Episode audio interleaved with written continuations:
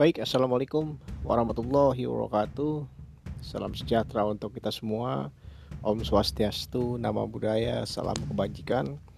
Semoga kita semua tetap dalam lindungan Allah Subhanahu wa taala, Tuhan Maha Esa.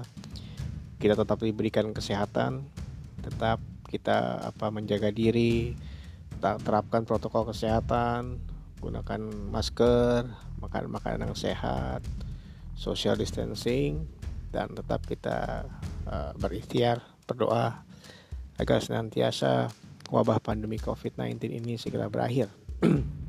nah, pada pertemuan kali ini saya akan membahas mengenai uh, ketahanan nasional dan pendidikan anti korupsi. Kalau kita bicara tentang ketahanan nasional, ada beberapa peristiwa yang mungkin terjadi di negeri kita tercinta ini seperti ada beberapa contoh. Seperti bagaimana ketika itu peristiwa 1998 ya. Kemudian sering sekali negeri kita ini terjadi uh, bentrok antar warga ya. Uh, yang berseteru uh, dan sebagainya. Kemudian pernah juga perairan kita di Natuna ya itu uh, apa peristiwa perairan di Natuna gitu ya Nah, kemudian sebelum masuk ke pengertian itu mengenai ketahanan nasional, bahwa ada namanya hak-hak dasar bagi setiap warga negara, yaitu kebebasan dari rasa takut atau freedom of fear. Kebebasan dalam memilih agama atau kepercayaan, kebebasan dalam berserikat, kebebasan dalam menyatakan kehendak atau menentukan nasibnya sendiri atau self determination. Ketika itu uh, presiden kita yang pertama Bung Karno menambahkan dengan kebebasan untuk merdeka atau freedom to be free. Nah, ya pengertian ketahanan nasional adalah kondisi dinamika suatu bangsa yang berisi keuletan dan ketangguhan yang mampu mengembangkan ketahanan kekuatan nasional dalam menghadapi dan mengatasi segala tantangan, hambatan, dan ancaman, baik yang datang dari, dari dalam maupun dari luar, juga secara langsung maupun tidak langsung, yang dapat membahayakan integritas, identitas, serta kelangsungan hidup bangsa dan negara. Nah, apa tujuan dan fungsi dari ketahanan nasional?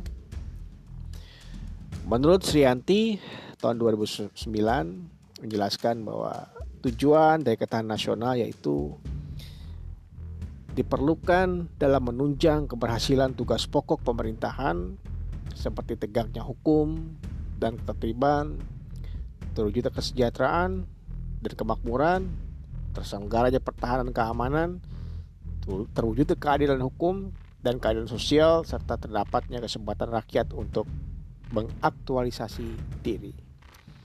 Sedangkan fungsi dari ketahanan nasional ada beberapa fungsi yaitu sebagai daya tangkal dalam kedudukannya sebagai konsepsi penangkalan ketahanan nasional Indonesia ditujukan untuk menangkal segala bentuk ancaman, gangguan, hambatan, dan tantangan terhadap identitas, integritas, eksistensi bangsa dan negara Indonesia dalam aspek ideologi, politik, ekonomi, sosial budaya, dan pertahanan keamanan.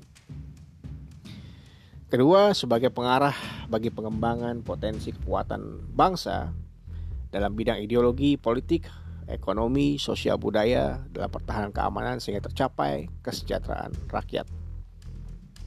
Yang ketiga, sebagai pengarah dalam menyatukan pola pikir, pola tindak, dan cara kerja intersektor antar sektor dan multidisipliner.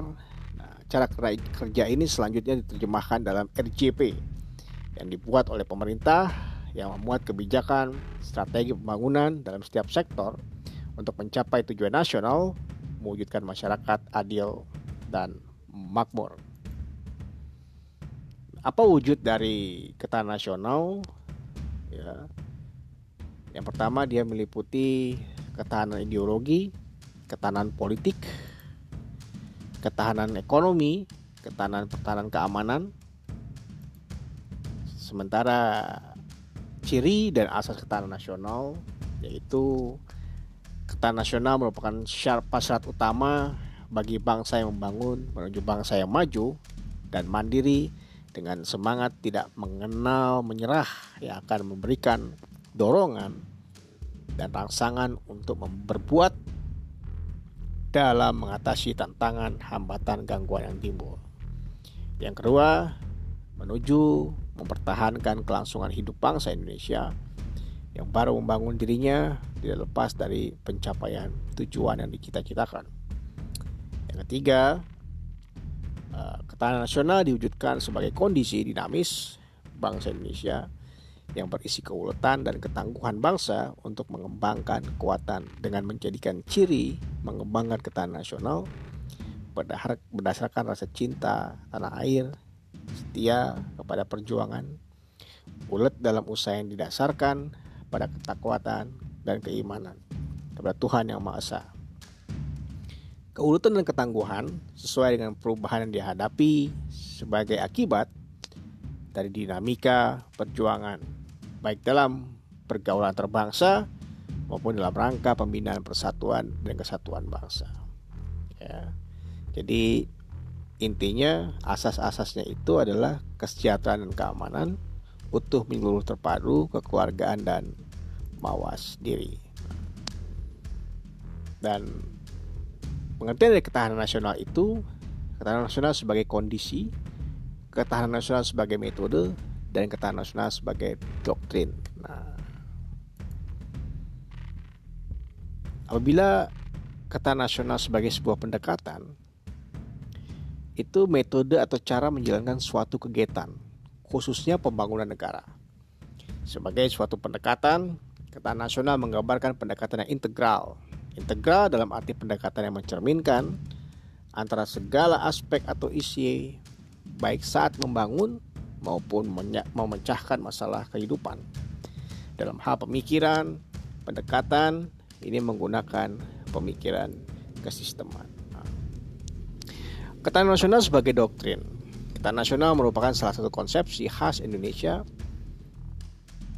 yang merupakan ajaran konseptual tentang pengaturan penyelenggaraan bernegara. Sebagai doktrin dasar nasional agar setiap orang, masyarakat, dan penyelenggara menerima dan menjalankannya. Nah, ada beberapa unsur ketahanan nasional menurut para khas Chandra. Yang pertama, alamiah terdiri dari geografi, sumber daya, dan produk sosial terdiri atas perkembangan ekonomi, struktur politik, budaya, dan moral nasional. Lain-lainnya itu seperti ide, intelijensia, kebijaksanaan, kepemimpinan. Sementara unsur kekuatan nasional di Indonesia itu ada trigatra yaitu aspek aspek alamiah yang terdiri atas penduduk, sumber daya alam dan wilayah. Sementara Pancagatra adalah aspek sosial. Nah, unsur atau gatra penduduk seperti aspek kualitas mencakup tingkat pendidikan, keterampilan, etos kerja, dan kepribadian. Aspek kuantitas yang mencakup jumlah penduduk, pertumbuhan persebaran, perataan, dan perimbangan penduduk di tiap wilayah negara. Unsur atau gatra wilayah lebih kepada bentuk wilayah yang berupa pantai, negara kepulauan, atau negara kontinental.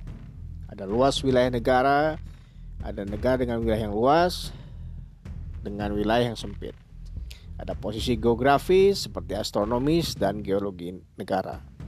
Kemudian daya dukung dari wilayah negara dan sebagainya. Anda bisa lihat di PPT yang sudah saya berikan. Nah, nah di Indonesia perkembangan konsep ketahanan nasional Indonesia itu berawal dari konsep ketahanan nasional Indonesia tahun 1968 dalam pemikiran Lemhanas ya. Kemudian konsep tersebut sebagai pertanda beralihnya konsep kekuatan nasional menjadi ketahanan nasional. Ya.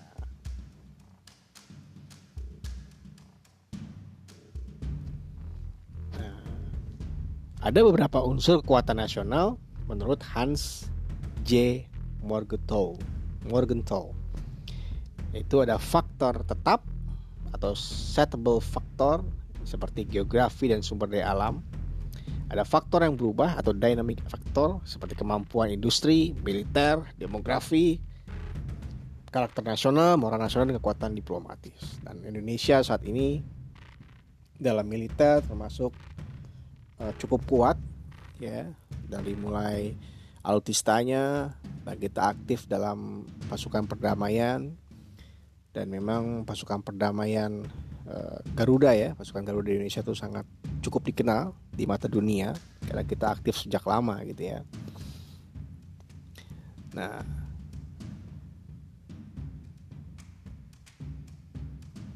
ternyata saat ini satu wujudnya adalah dengan bela negara tuh ya.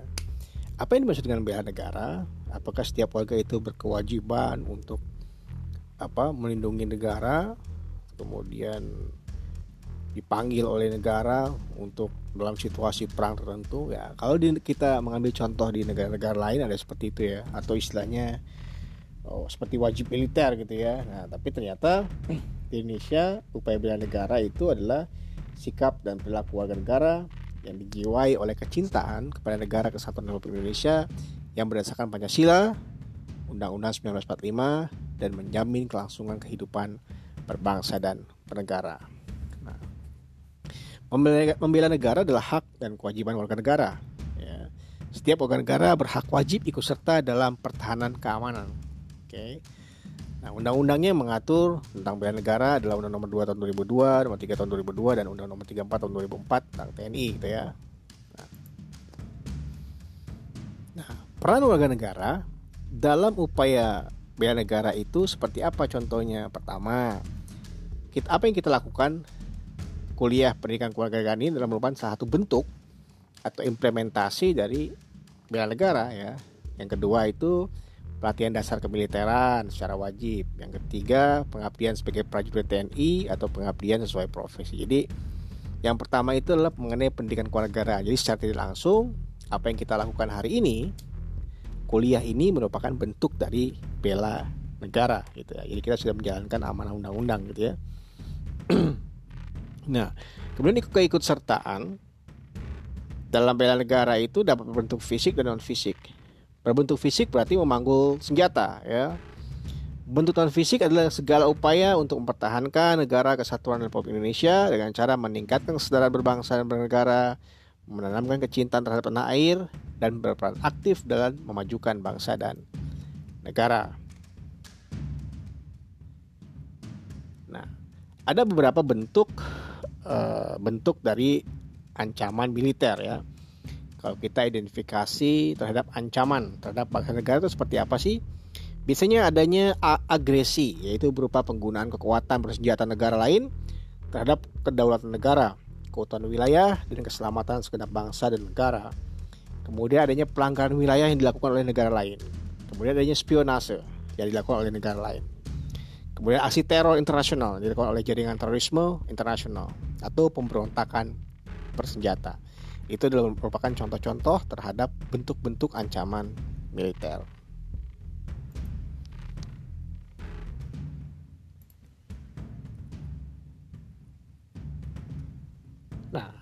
Selanjutnya adalah mengenai pendidikan anti korupsi. Ya, materi selanjutnya. Kalau kita bicara tentang tidak pidana korupsi, dalam peraturan perundang-undangan.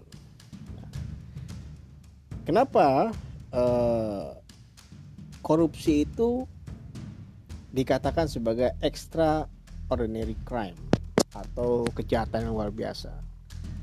Karena dia merupakan kejahatan yang dampak atau efeknya sangat dirasakan oleh korbannya. Siapa korbannya? Ya seluruh masyarakat atau rakyat.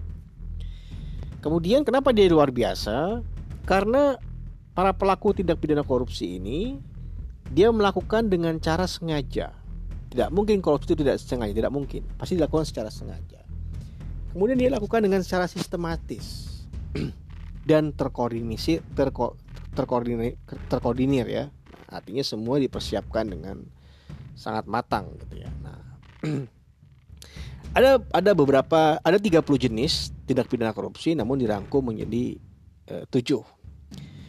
Yaitu yang pertama adalah merugikan keuangan negara, kedua penyuapan, ketiga penyerap pemerasan, keempat penggelapan dalam jabatan, kelima perbuatan curang, keenam gratifikasi dan ketujuh adalah benturan dalam jabatan. Ini menurut Undang-Undang Nomor 31 tahun 99, Jungto Undang-Undang Nomor 20 tahun 2001. Ya, jadi terdapat 30 perbuatan tindak pidana korupsi yang bisa dibagi ke dalam 7 kategori. Kalau kita bicara kerugian negara, itu ada di pasal 2, pasal 3 mengenai penyalahgunaan wewenang. Kalau kita bicara tentang suap menyuap, ada di pasal 5 ayat 1 AB, pasal 13, pasal 2, pasal 5 ayat 2, pasal 12 huruf AB, kemudian pasal 11, pasal 6 ayat 1 uh, huruf A, B kecil, pasal 6 ayat 2, pasal 12 huruf C dan D kecil. Kemudian kalau konflik uh, kalau penggelapan dalam jabatan ada di pasal 8, 9 dan 10 huruf A, B kecil, A, B dan C kecil. Kalau pemerasan itu ada di pasal 12 huruf E, F dan G kecil.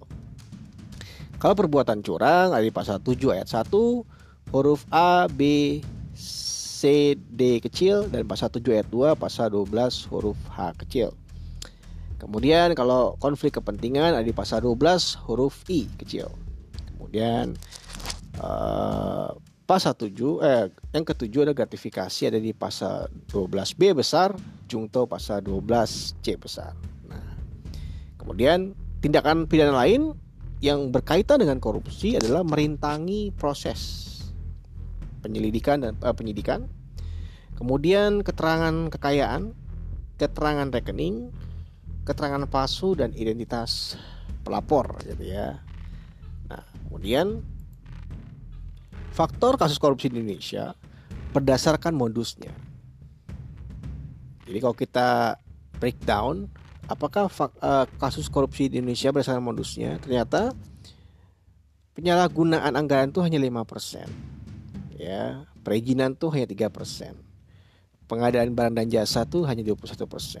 Merintangi proses penyidikan KPK tuh hanya 1%. Tindak pidana pencucian uang tuh hanya 3% pungli atau pungutan liar itu hanya 3%. Yang paling besar, hampir 64% adalah penyuapan. Jadi ternyata di Indonesia kasus suap itu mencapai hampir sekitar 64%. Nah, sedikit saya akan uh, ulas mengenai merugikan keuangan negara. Dalam pasal 2 unsur tindak pidana uh, unsur tindak pidana yaitu setiap orang dengan melawan hukum, memperkaya diri sendiri atau orang lain atau korporasi dapat merugikan keuangan negara atau perekonomian negara. Pasal 3 unsur-unsur tindak pidana. Setiap orang dengan tujuan menguntungkan diri sendiri atau orang lain atau korporasi yang menyalahgunakan kewenangan, kesempatan atau sarana yang ada padanya karena jabatan atau kedudukan yang dapat merugikan keuangan negara atau perekonomian negara. Nah, banyak kasus-kasus ya mengenai uh, tindak pidana korupsi seperti yang kita ketahui mengenai pas kasus iktp mungkin. Nah, kemudian yang kedua mengenai penyuapan. Nah, kalau penyuapan ini adanya meeting of mind antara penyuap dan penerima suap. Ya, A melakukan sesuatu agar B melakukan sesuatu. Apa dasarnya? Menyuap pegawai negeri itu pasal 5 ayat 1 huruf A, B, A kecil dan B kecil. Memberi hadiah kepada pegawai karena jabatannya pasal 13. Kemudian pegawai negeri menerima suap pasal 5 ayat 2, pasal 12 uh, huruf A kecil dan huruf B kecil. Pegawai negeri menerima hadiah yang berhubungan dengan jabatan. Itu namanya mengenai penyuapan. Nah, kalau pemerasan ini adalah berarti antara kedua belah pihak ada salah satu pihak yang dirugikan. Ya. Dalam pasal 12 uh, eh, huruf E kecil, memeras yaitu pegawai negeri atau penyelenggara negara.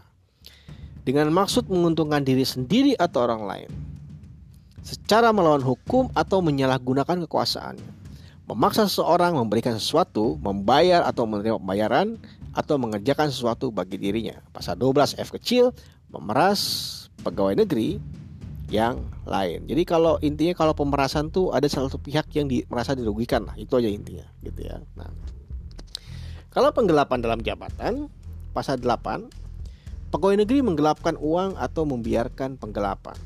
Pegawai atau orang lain selain pegawai negeri yang ditugaskan menjalankan suatu jabatan dengan sengaja menggelapkan uang atau surat berharga atau membiarkan uang atau surat berharga diambil atau digelapkan oleh orang lain atau membantu dalam penggelapan. Nah, kalau penggelapan dalam jabatan, pasal 9 memasukkan buku untuk pemeriksaan administrasi.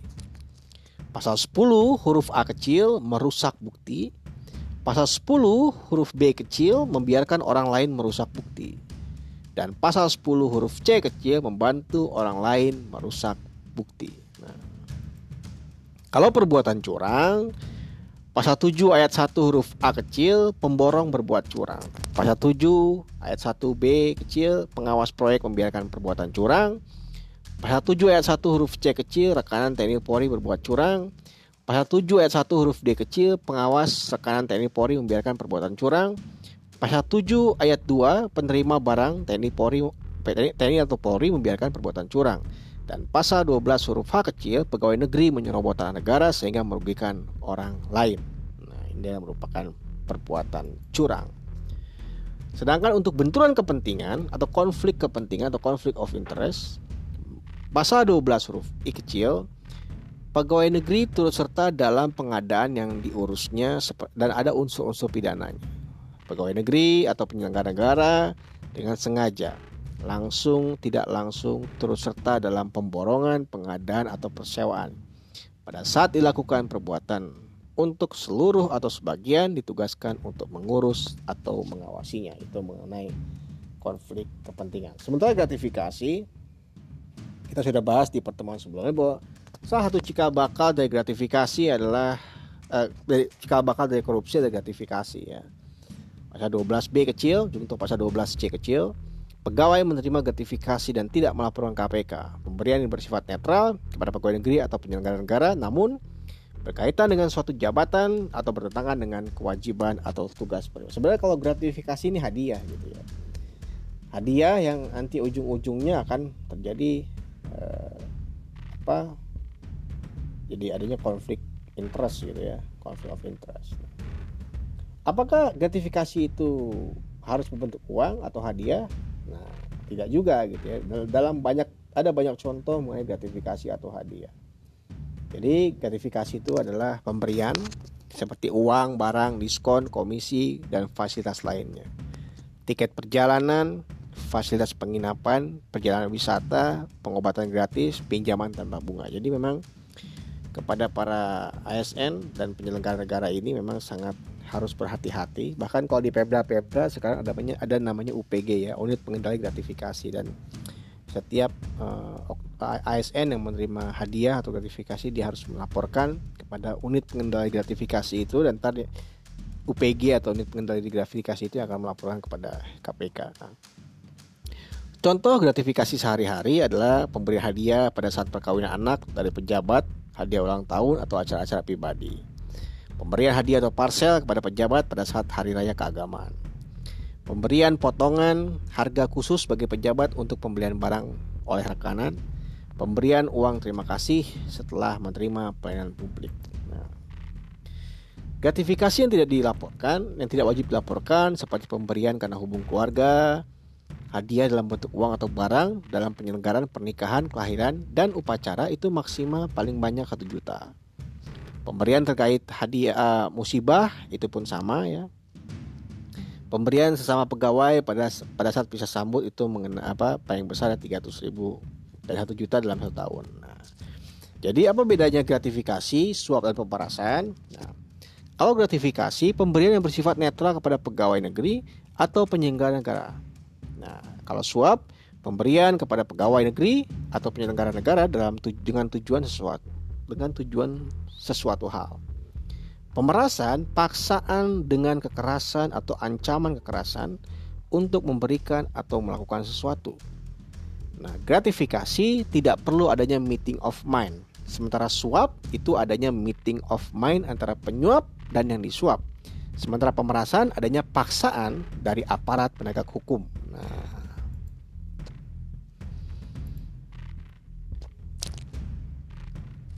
Nah, siapa yang dimaksud dengan penyelenggara negara? Itu bisa pejabat negara pada lembaga tinggi negara, kemudian seperti menteri, gubernur, hakim, atau pejabat lain yang memiliki fungsi strategis atau pejabat lain pejabat negara yang sesuai dengan peraturan undang-undang gitu ya. Nah, kemudian ada namanya istilah obstruction of, ju of justice. Tindak pidana lain yang berkaitan dengan tindak pidana korupsi. Seperti tindakan tersebut menyebabkan tertundanya proses hukum. Artinya dia merintangi. Pelaku mengetahui tindakannya atau menyadari perbuatannya. Pelaku melakukan atau mencoba tindakan menyimpang dengan tujuan untuk mengganggu atau mengintervensi proses atau administrasi hukum. Nah, tindakan lain seperti merintangi proses pemeriksaan perkara korupsi, tidak memberikan keterangan atau memberikan keterangan tidak benar, bank yang tidak memberikan rekening tersangka. Jadi pada saat seorang tersangka tindak pidana, pada saat seseorang diduga uh, tersangka tindak pidana korupsi dan ingin mengecek seberapa banyak uangnya di bank, ya rekeningnya di bank, maka bank itu harus kooperatif memberikan uh, informasi tersebut. Jadi kalau bank tidak memberikan, maka itu di, di, di, dipersangkakan dengan uh, menghalang-halangi gitu ya. Nah, kemudian yang keempat, saksi atau ahli yang tidak memberikan keterangan atau memberikan keterangan palsu. Yang kelima, orang memegang rahasia jabatan tidak memberi keterangan atau memberi keterangan palsu. Yang keenam, saksi yang membuka identitas pelapor. Nah,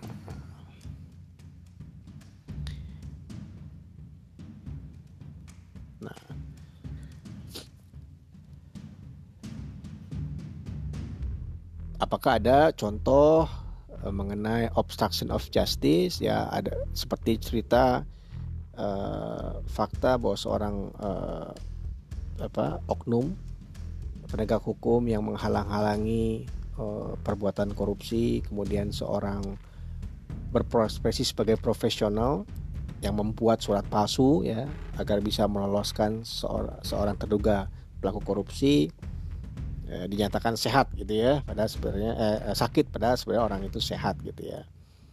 Nah uh,